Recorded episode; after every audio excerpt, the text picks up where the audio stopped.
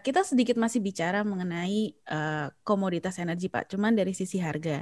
Memang tadi kan disebutkan bahwa uh, supply dan demand menjadi faktor utama terutama kalau kita bicara mengenai harga komoditas energi yang uh, migas, batu bara gitu ya Pak. Kalau EBT mungkin nggak terlalu uh, ya pasti uh, berhubungan tapi tidak tidak sesignifikan itu. Nah, kalau kita bicara mengenai harga komoditas energi di tahun 2021, Pak, uh, despite masalah nanti demand akan sudah naik atau turun, misalnya uh, anggap COVID ini masih tetap ada di 2021 apakah kira-kira harga komoditas energi itu fluk, masih akan bisa berfluktuatif um, yang sangat tinggi seperti tahun 2020 ya Pak? Karena kalau belajar hmm. dari tahun 2020 itu kemarin fluktuasinya tidak hanya karena masalah penurunan demand, tapi sempat ada yang price war, uh, kemudian karena masalah keterbatasan storage. Nah, apakah perusahaan-perusahaan ini di tahun 2021 sudah belajar dari kesalahan di tahun 2020 atau bagaimana Pak menurut pandangan Pak Wawan?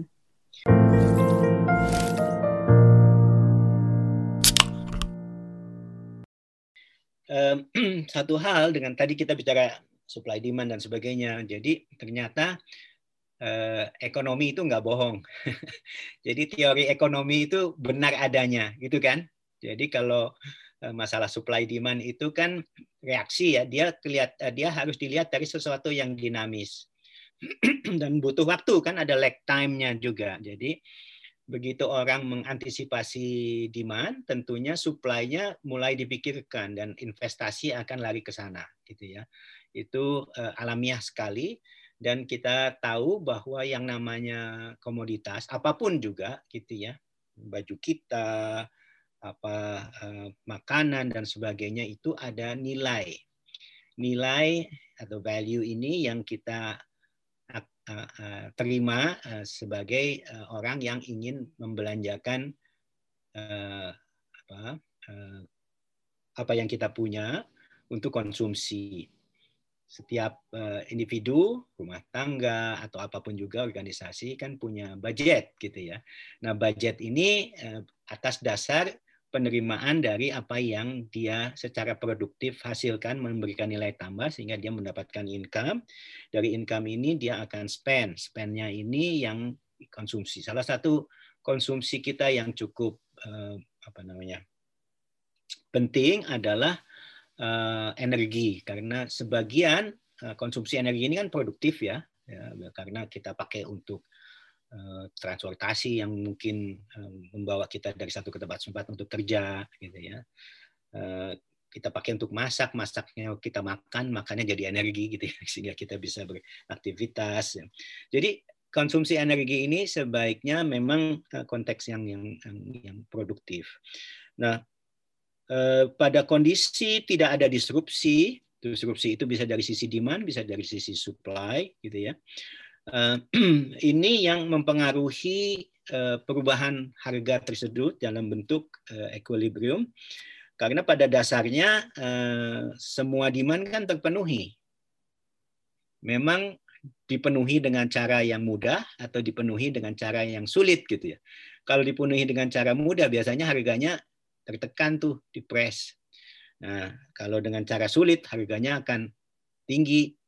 Sulit misalnya untuk itu eh, ada keterbatasan supply, maka akhirnya diperlukanlah biaya yang relatif tinggi.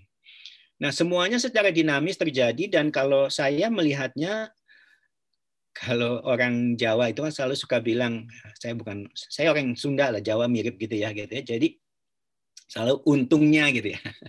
Nah, untungnya itu kan ini pada kondisi di mana energi itu tidak supply energi bukan merupakan sesuatu yang menjadi constraint. Kalau dia menjadi constraint, eh, semua pasti ada constraint karena harus dilakukan dengan menyediakan uang tentunya ya. Tapi dengan harga energi yang relatif murah itu artinya kita tidak mempunyai cukup eh, tantangan atau batasan dari sisi penyediaannya, Mbak. Apalagi dengan demand yang begitu turun, otomatis supply ini berlimpah. Supply ini berlimpah.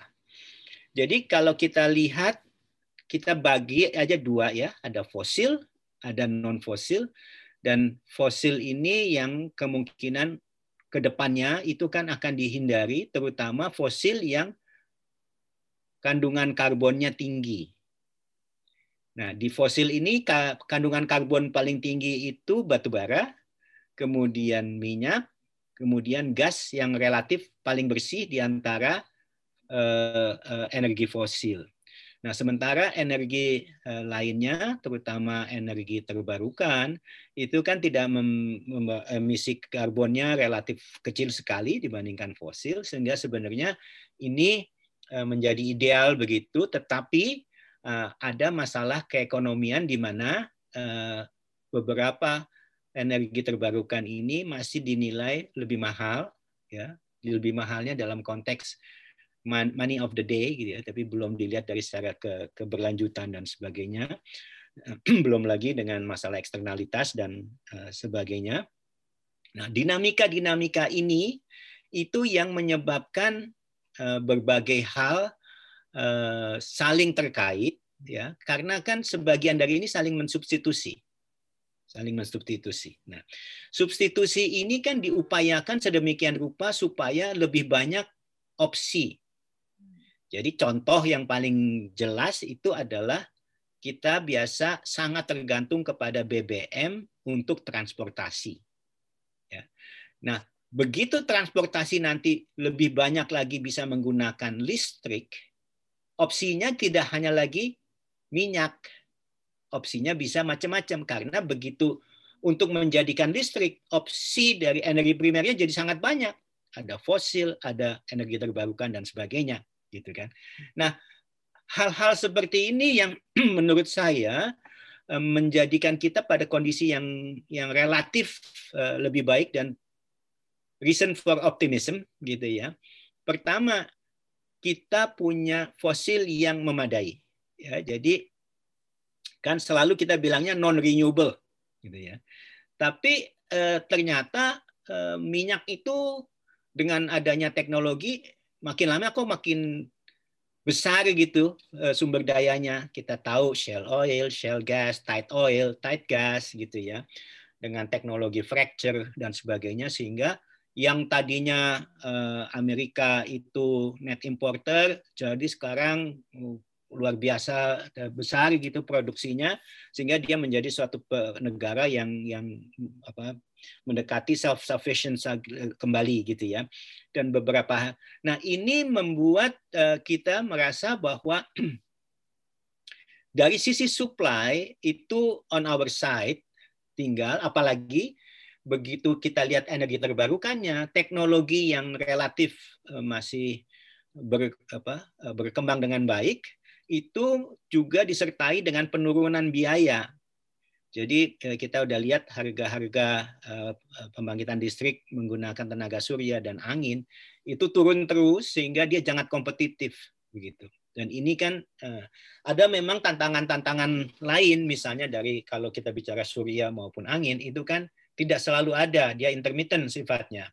Sehingga kita harus punya teknologi yang lebih bisa mengakomodasi tersebut ya. Jadi Makanya ada smart grid dan sebagainya. Tapi kalau ini semua nanti berkembang, di demannya juga berkembang uh, substitusinya ini mengarah kepada sesuatu yang lebih efisien. Resource allocation-nya nih ini economic one on one nih ya. Nah nggak tahu dulu Ayu belajarnya rajin nggak waktu kuliah nih economic one on one-nya jadi begitu resource allocation-nya jauh lebih optimal ini semua akan jauh lebih efisien gitu ya. Karena begitu lebih efisien artinya semuanya menjurus kepada uh, biaya yang akan lebih relatif lebih rendah kepada uh, sektor ekonominya.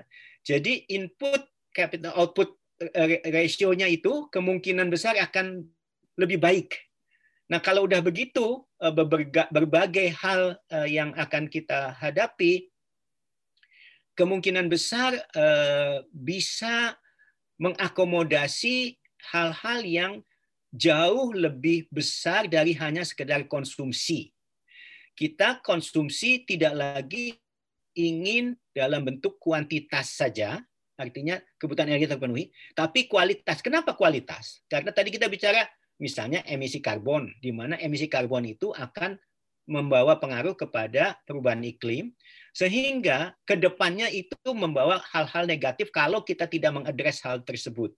Jadi pemanasan globalnya diupayakan bisa dikurangi, sehingga misalnya nanti kita maunya kenaikan temperatur itu satu setengah derajat saja eh, Celcius gitu ya. Eh, dengan kalau kita tidak melakukan banyak hal dua derajat aja susah. Tapi dengan tadi yang saya bilang dengan uh, teknologi advancement dengan ke, ketersediaan energi yang lebih besar dan teknologi apa macam-macam begitu ada kemungkinan kita bisa mengadres kebutuhan kualitas yang lebih baik. Memang kualitas yang lebih baik itu kondisinya tidak mudah dan tidak murah. Tapi kita mau kalau kalau kalau uh, kembali lagi orang jauh suka bilang ya ada ada rupa ada harga gitu. Kalau mau yang bagus nggak mau nggak bisa murah gitu ya. Jadi kalau kalau mau yang bagus gitu kan misalnya tidak mau ada emisi karbon. Kalau kita pakai batu bara karbonnya udah keburu ke, uh, emisinya jadi besar. Nah karbon ini harus kita capture. Setelah kita capture kita taruh di dalam bumi jadi storage tidak ada storage-nya CCS ya. Carbon capture and storage ada lagi carbon capture utilizations gitu ya. Utilization itu dipakai untuk produksi yang lain. Jadi CO2-nya mungkin dipakai untuk IOR minyak gitu ya.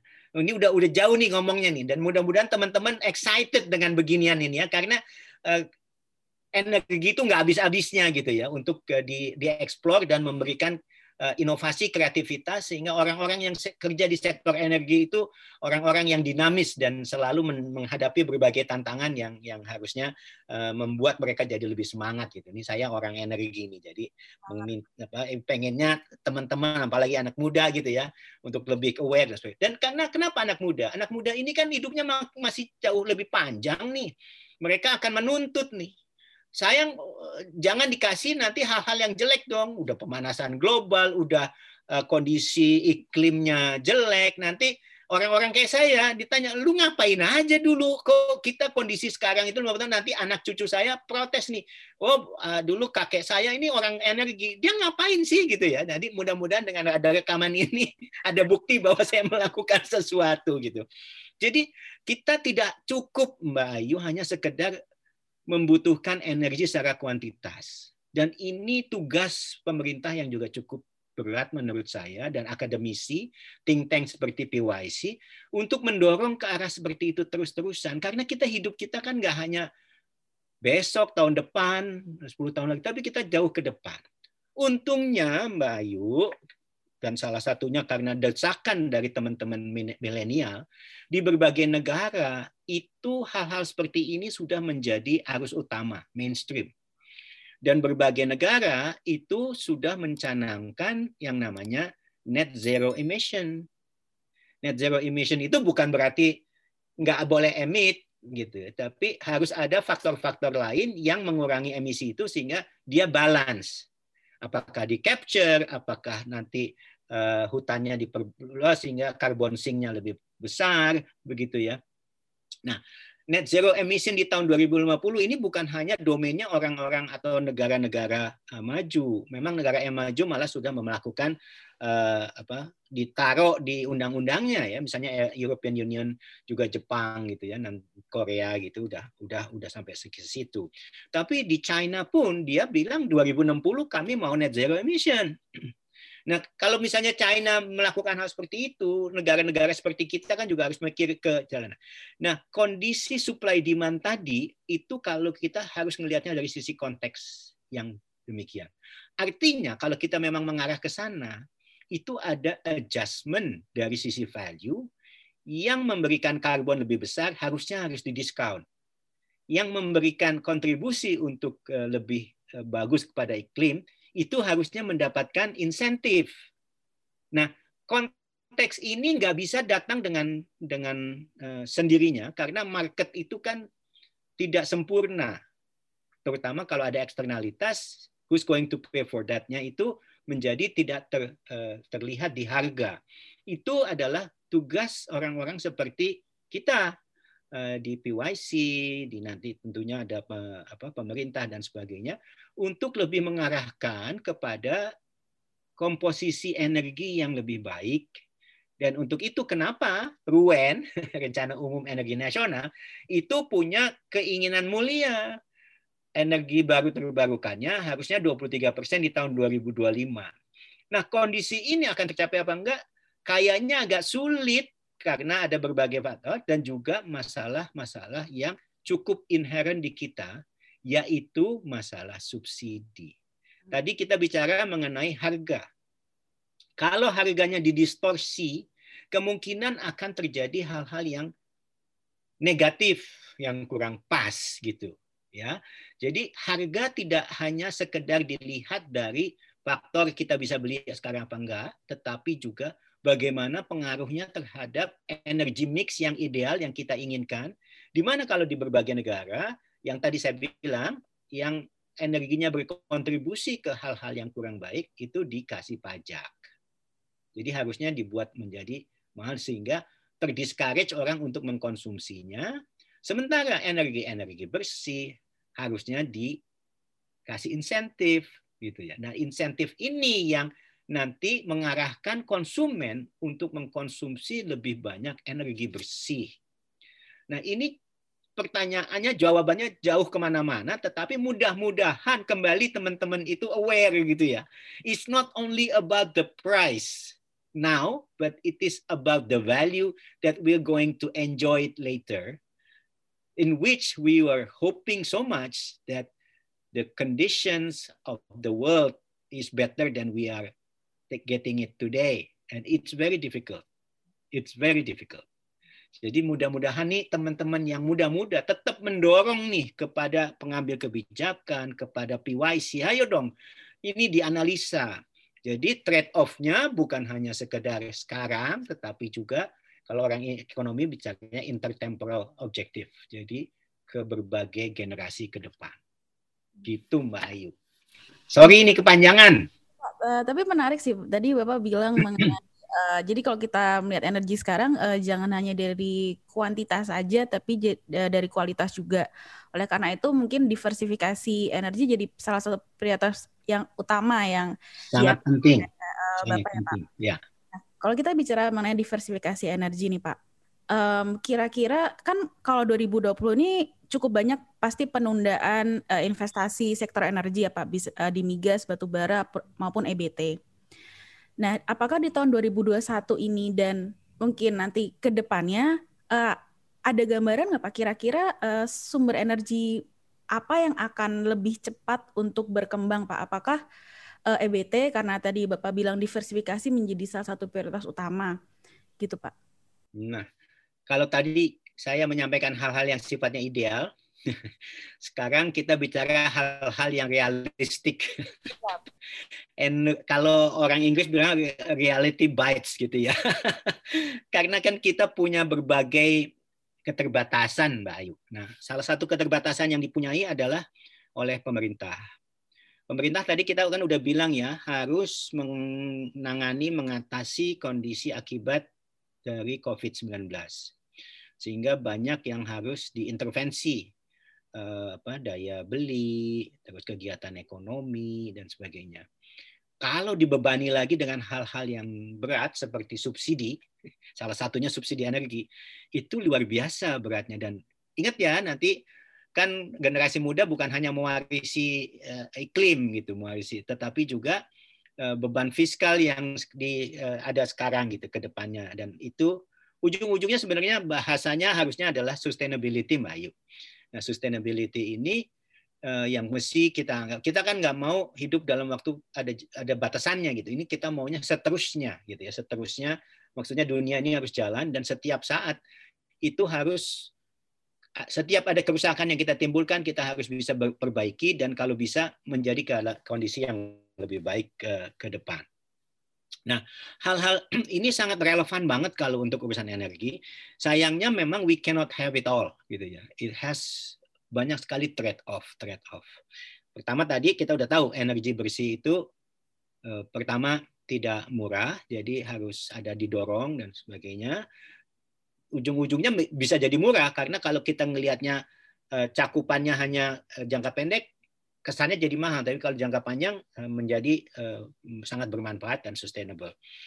Nah, kondisi-kondisi hal yang seperti ini itu dilihat dari berbagai sudut. Misalnya pemerintah ingin selalu punya keinginan untuk dilihat berpihak kepada rakyat gitu ya sehingga ada populis gitu ya. Nah, populis ini kan bagus banget gitu ya. Cuman misalnya kalau untuk konteks energi yang harus dikasih subsidi dan subsidi itu ada uh, amanatnya ada ada mandatnya di undang-undang dasar terutama untuk orang-orang miskin dan itu sudah disebut ya di undang-undang energi juga udah ada gitu. Tapi beneran harus orang miskin nih.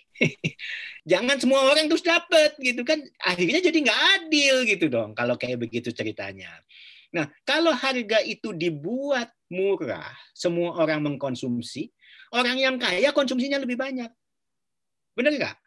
Betul. Yang miskin konsumsinya kecil, miskin. Gitu. Harusnya kan yang dibuat itu jangan harganya murah. Yang dibuat itu supaya orang miskin bisa beli. Ya yang supaya bisa beli dikasih daya beli itu. Jadi sebenarnya harusnya subsidinya ke orang, bukan ke komoditas. Nah, dengan kondisi-kondisi seperti itu, pertama reformasi subsidi ini menurut saya adalah suatu keniscayaan keharusan. Ini momentum ya. Kalau COVID-19 tuh udah ngasih writing on the wall, salah satunya yang harus dilakukan di ini adalah kebijakan reformasi, salah satunya reformasi uh, uh, subsidi gitu ya. Nah, dengan kondisi seperti itu, pemerintahnya berani apa enggak? Kalau nggak berani agak repot. Tapi kalau berani ini menjadi satu langkah ke depan yang menjadi baik. Nah, kalau sudah reformasi subsidi itu terjadi, yang ada nanti investasi yang akan lebih dilakukan oleh badan usaha, baik BUMN maupun swasta, itu ke arah yang jauh lebih baik. Jadi, oke okay, boleh eh, bangun batu bara, tapi harus komplit. Ada CCS-nya.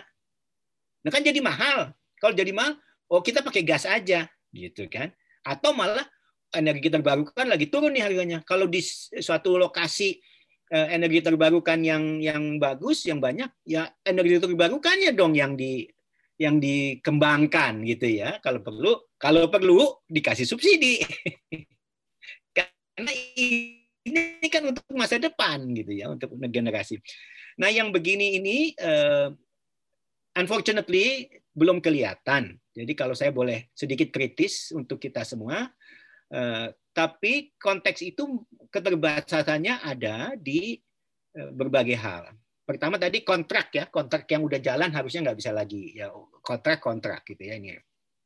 Tapi ke depannya, mau kayak RUPTL apa segala macam itu jangan lagi dong untuk yang apa carbon heavy gitu ya harus yang memang benar-benar Eh, energi terbarukan yang clean gitu ya dan di mana tadi konteksnya reformasi subsidinya menjadi sesuatu hal yang eh, merupakan keniscayaan. Nah, habis ngomong begitu, itu kan kita menjadi karena tadi kan ya dengan demand yang turun, kita ini kan punya waktu untuk kontemplasi, kontemplasi untuk melihat perencanaan energi kita selama itu udah benar nggak sih, gitu ya? Apakah ini dan kalau pertanyaannya nanti mengenai proyek-proyek yang akan dikembangkan, ini kan konteksnya harus eh, selalu kita melihat kembali demand, tapi demand yang diarahkan untuk ke arah energi yang lebih baik, energi berkualitas tadi. Nah, kalau udah seperti itu, kita lihat nih supply demand balance-nya akan seperti apa. Dan kalau udah begitu kita lihat memang eh, keekonomian. Jadi eh, Indonesia pertama tadi konsumennya harus uh, masalah affordability menjadi penting, tapi affordability itu dengan reformasi subsidi itu uh, uh, harus tepat sasaran yang yang diarah adalah untuk orang-orang yang kurang mampu, 40% golongan yang relatif uh, membutuhkan apa, bantuan gitu. Kalau bisa ya ditambah jadi 50% atau 60% pun nggak apa-apa. Tapi yang apa ya apalagi apa yang di atas 60% harusnya udah nggak boleh lagi tuh, malah harusnya kena pajak kalau menurut saya. Nah, dengan kondisi yang uh, seperti itu, proyek-proyek yang sekarang kita lihat gitu ya ke depannya, ini waktunya untuk mengembalikan kondisi yang lebih baik di mana misalnya apa sih faktor-faktor krusial yang ada di kita? Faktor krusial yang ada di kita itu adalah misalnya masih tingginya impor eh, BBM, minyak mentah, LPG how we going to do about it gitu ya. Nah, tapi harus dipikirkan juga kalau kita melakukan itu dengan substitusi seperti tadi Mbak Ayu bilang, itu what is the economics of it? Ya, kalau ekonomiknya memang agak membebani, tetapi untuk ke depannya menjadi jauh lebih baik, karena misalnya itu we are okay. Tetapi kalau ternyata eh, itu membebani sehingga akan menjadikan yang namanya uh, high cost economy, high cost economy ya, high cost economy. Kita kan maunya energi itu mendorong kegiatan perekonomian, tapi bukan menjadi beban. Kalau dia menjadi beban, yang akan kena dampaknya adalah daya saing, Mbak Ayu. Daya saing Indonesia-nya kan seperti apa? Padahal untuk memperbaiki eh, kondisi di mana kita keinginannya adalah masyarakat adil sejahtera, makmur sejahtera gitu ya itu kan dari memenangi persaingan di mana kita bisa komoditas yang kita hasilkan bukan hanya komoditas primer tetapi juga yang menghasilkan nilai tambah itu bersaing dan memenangkan persaingan di kondisi global sehingga kita bukan hanya menjadi pasar tetapi kita menjadi produsen untuk pasar global ya. Dengan demikian yang kita harus lihat dari kondisi-kondisi yang seperti tadi kalau buat saya sebenarnya energi itu harus tinggi konsumsinya, tetapi untuk yang hal-hal sifatnya produktif. Indonesia energi per capita consumption-nya dibanding China itu seperlima atau bahkan seperenam. Ya. Artinya bukan berarti China lebih boros. Orang-orang konsumen bukan lebih boros, tetapi dia punya kegiatan perekonomian yang eh, mengkonsumsi energi itu, di mana produknya itu ternyata oleh mereka menjadi revenue karena pasarnya Cina begitu besar, tetapi pasarnya itu ternyata dunia. Dia bisa menguasai berbagai uh, apa supply chain dunia sehingga banyak tergantung mulai dari IT, you name it gitu ya, all kind of things yang go through China, sehingga China ini menjadi uh, sentra dari kegiatan perekonomian untuk dunia, bukan hanya untuk China, karena dia memenangkan persaingan, di mana dengan demikian konsumsi energinya itu tinggi, tapi produktif. Nah, kami melihat hal-hal yang seperti ini juga terjadi di negara lain. Dulu tentunya yang kayak Four Tigers ya dari Korea, Taiwan, terus apa yang yang kayak gitu. Nah, sekarang Vietnam nih kayak begitu nih. Nah, kalau Indonesia kalah dari Vietnam, eh, konsumsi by the way, per kapita energi consumption-nya Vietnam udah jauh lebih besar dari kita. Kalau kita nggak bisa melihatnya dari sisi itu, konteksnya menjadi um, kita terkungkung gitu ya. Jadi komodit bukan komoditas, produksi energi kita jangan hanya untuk didesain konsumsi dalam negeri, memang konsumsi dalam negeri, tapi bukan untuk memenuhi barang dan jasa dalam negeri, tapi harusnya melihatnya secara global sehingga banyak pabrik-pabrik berrelokasi ke Indonesia yang menjadi tujuan ekspor. Kalau udah begitu, konsumsi energinya kita menjadi sangat produktif dan dengan demikian itu bagus buat semua orang. Kegiatan ekonominya nambah, kegiatan dan energi yang ada disediakan untuk menghasilkan sesuatu yang produktif untuk memenangkan persaingan global. Nah, kalau udah bisa seperti ini, Mbak Ayu, saya sangat tidak keberatan dengan ekspansi gede-gedean produksi energi kita, baik listrik, apa pun juga, smelter, you name it, gitu ya, yang membutuhkan energi besar, banyak. Ya. Itu idealnya, karena kita melihat ini ujung-ujungnya adalah perekonomian nasional yang menurut saya untuk bisa kita mentas nih bahasa Jawanya mentas ke negara berpenghasilan tinggi, negara maju, kita nggak mau apa eh, terjebak di middle income trap ya. Kita maunya naik nih naik high income. Satu-satunya cara untuk mendapatkan pertumbuhan ekonomi yang lebih dari 5%, 6% atau bahkan 7%, itu dengan kita bisa memenangkan persaingan global. Persaingan global salah satunya selain kita memang menjadi uh, bagus ya misalnya dari uh, tapi juga ketersediaan energi. Ketersediaan energi datangnya dari investasi. Nah, investasi ini yang menurut saya saat ini waktunya untuk melihat apakah eh, perencanaan energi kita itu udah sampai ke yang tadi itu. Jadi bukan berhenti hanya untuk puas untuk di dalam negeri. Sementara kalau itu hanya di dalam negeri dan membebani karena subsidi, karena eh, tidak memberikan nilai tambah yang baik dan sebagainya, itu kita pada kondisi yang merugi kita tidak bisa eh, bersaing dengan negara-negara seperti Vietnam dan sebagainya.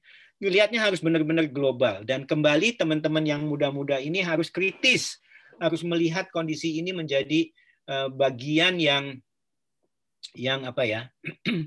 yang tidak terlepas gitu dari eh, konsep bagaimana kita mengembangkan energi nasional yang ada di di, di negara kita. Gitu Mbak Ayu. Terima kasih Pak Wawan. Uh, Pak, satu pertanyaan terakhir nih ya Pak. Um, ini mengenai peraturan um, yang saat ini uh, bagi komunitas sektor energi ini sedang menunggu-nunggu nih Pak. Kita kan di tahun 2020 itu sebenarnya ada banyak uh, regulasi yang seharusnya bisa uh, dijanjikan untuk diterbitkan tapi uh, belum. Uh, contohnya misalnya yang uh, eh, kemudian Perpres harga EBT, dan juga ada revisi UU Migas, Pak. Nah, kira-kira apakah uh, beberapa peraturan ini itu akan bisa diterbitkan di tahun 2021 dan apakah cukup krusial untuk diterbitkan di tahun 2021 dengan mengingat ya kondisi yang sekarang masih kita hadapi ini, Pak? Nah, kembali ini reality bites gitu ya. Tadi saya ngomong masalah ideal, terus ngomong masalah ekonomi. Sekarang kita bicara masalah political ekonomi nih. Lebih rumit lagi gitu ya, karena kita pada kondisi demokrasi yang relatif masih muda, yang ini dan banyak sekali hal-hal yang tidak ideal yang terjadi. Yang saya ingin sampaikan adalah begitu secara politis ada hal yang didukung, itu relatif akan lancar. Nah, ternyata mendukung untuk supaya politiknya mendukung itu banyak hal-hal yang yang banyak juga yang masih kurang kurang ideal ya dan dan, dan eh, bahasa bahasa terangnya itu masih banyak konteksnya adalah rent seeking activities yang juga sebenarnya membebani uh, ekonomi gitu ya jadi karena ekonomi biaya tinggi karena faktor uh, politik yang ada di Indonesia ini kan demokrasinya membutuhkan berbagai uh, dukungan, termasuk uang dan sebagian dari uang ini datang dari industri-industri besar yang salah satunya tentunya industri energi ini masuk ke dalamnya sehingga dia um, nah apa yang saya ingin katakan adalah begitu hal ini menjadi uh, interestnya ketemu interestnya ketemu ini bisa cepat batu bara misalnya ya, ya. Banyak tuh yang yang yang ingin batu bara jalan gitu ya. Otomatis dia cepat gitu ya. berarti kalau yang lainnya itu tidak mendapat dukungan secara politik karena politiknya tidak mendapatkan sesuatu eh, saya harus bicara apa adanya nih biar teman-teman yang muda-muda juga juga kritis gitu ya. Nah kondisi-kondisi seperti ini unfortunately is uh, happening in Indonesia. Jadi kalau undang-undang migas itu 8 tahun uh, apa uh, waktu saya di SKK Migas ini kejadiannya waktu uh, yang sudah diamanatkan oleh Mahkamah Konstitusi untuk diperbaiki. Nggak ada insentif buat politik untuk menjadikan hal ini. I don't know why itu ya. ya. Nah, sementara batu bara hitungan bulan, hitungan nggak sampai tahun gitu ya jadi gitu. Uh, energi terbarukan juga mudah-mudahan harusnya bisa. Uh, nah ini kembali Eh, masalah kenegarawanan kita diuji ya khususnya untuk para bapak ibu yang terhormat eh, wakil-wakil kita di DPR misalnya juga eh, keberanian dari para pejabat kita untuk menjalankan hal yang konteksnya benar-benar diperlukan oleh ekonomi yang sebenarnya semakin sedikit pengaruh politiknya harusnya semakin baik. Unfortunately, dan it, it is perhaps in every country in the world ya, energi itu merupakan sesuatu yang tidak bisa terlepas dari kondisi politik. Kita tidak bisa naif dan kita menyadari hal itu. Dan ini yang uh, membuat uh, banyak uh, hal-hal juga terkendala karena berbagai kepentingan bertemu dan untuk hal-hal yang tidak mendukung kepentingan tersebut eh, eh, prosesnya menjadi lambat atau malah dihambat. Nah, yang seperti ini harusnya menjadi eh, keberanian dari pemerintah untuk mencoba mendobrak berbagai hal. Eh, misalnya kalau kita ingat EBT ini penting ya harusnya EBT-nya jalan. Untungnya kan EBT akan didahulukan ya, EBT didahulukan dan eh, mudah-mudahan tahun ini selesai. Nah undang-undang migas gimana? Undang undang migas nggak kalah penting karena kita masih sangat tergantung apalagi kita net importer of oil gitu ya. Kita maunya oil kita berkembang nih sementara kita turun terus gitu. It, uh, ke kepastian usaha itu kan salah satunya adalah berdasar dengan adanya peraturan yang yang baik yang mendukung dan itu kalau sudah diamanatkan untuk dirubah undang-undang migas misalnya, kok bisa 8 tahun itu saya juga it's very mind boggling gitu ya. Kenapa kan bisa hal itu menjadi terjadi? Padahal ini merupakan satu prasyarat untuk investasi. Kan kita maunya eh, Indonesia ini kan uh, uh, apa investment environment friendly gitu ya untuk untuk orang-orang yang yang mau menginvestasi dan ini menjadi kendala untuk orang-orang yang mau eksplorasi di migas dan tidak mengherankan akhirnya cadangan kita turun terus. Kemarin menterinya bilang ini kalau nggak nggak ada penambahan cadangan baru eh, sembilan tahun lagi minyak kita habis. Nah kayak begini-begini ini kan harusnya langsung melihat bahwa salah satunya sebenarnya kan undang-undangnya harusnya seharusnya diperbaiki harus ada. Nah kondisi ini baru hanya sebatas pada tataran kata-kata atau keinginan yang tidak bisa diimplementasikan. Sayangnya memang kondisi ini sangat tergantung dengan kondisi politik yang ada dan katakanlah eh, berbagai hal itu kan maunya eh, baik gitu ya. Saya percaya omnibus law itu juga juga maunya baik gitu ya. Tinggal bagaimana mensosialisasikan itu sehingga sebagian besar dari kita mendukung gitu ya. Terus juga mengadres berbagai hal yang apa legal void gitu ya. SKK Migas sampai sekarang itu kan Eh, dasar hukumnya kurang kurang kuat gitu ya oh, karena eh, kondisinya adalah eh, namanya juga institusi yang sementara kalau dari sisi dari sisi keputusan Mahkamah Konstitusi. Nah ini PR PR bersama gitu ya dan untuk lembaga seperti NGO, think tank seperti PYC gitu dan ini harusnya menjadi didorong karena kan lembaga-lembaga seperti itu eh, idealnya adalah eh, sangat objektif dan melihat ini untuk kepentingan negara semata. Kalau udah demikian, kita bisa secara jernih melihat uh, pro konsnya untuk melihat berbagai hal, termasuk aturan-aturan yang diperlukan untuk mendukung kebijakan sehingga investasi itu berkembang baik oleh pihak swasta maupun negara melalui BUMN.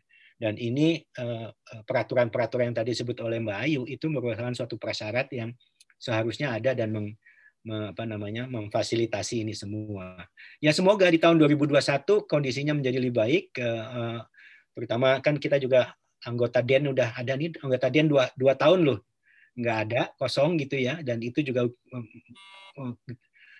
gara-garanya mungkin lebih banyak politiknya daripada birokrasinya dan hal-hal yang seperti ini kalau bisa dan kita semua atau para pejabat, para wakil rakyat yang terhormat gitu terpanggil untuk membenahi ini semuanya sehingga yang dikedepankan adalah kepentingan bangsa dan negara bukan kepentingan kelompok uh, dan apalagi hanya sebatas pada uh, kekuasaan yang dicerminkan dengan apa ke kepentingan politik sesaat. Mudah-mudahan Mbak Ayu. Baik. Uh, Pak Wan, terima kasih banyak atas waktu dan diskusinya yang sangat insightful Pak pagi ini. sangat insightful bagi saya dan pasti bagi para pendengar juga. Terima kasih Pak Wawan. Terima kasih, terima kasih sudah diberikan kesempatan untuk berbagi.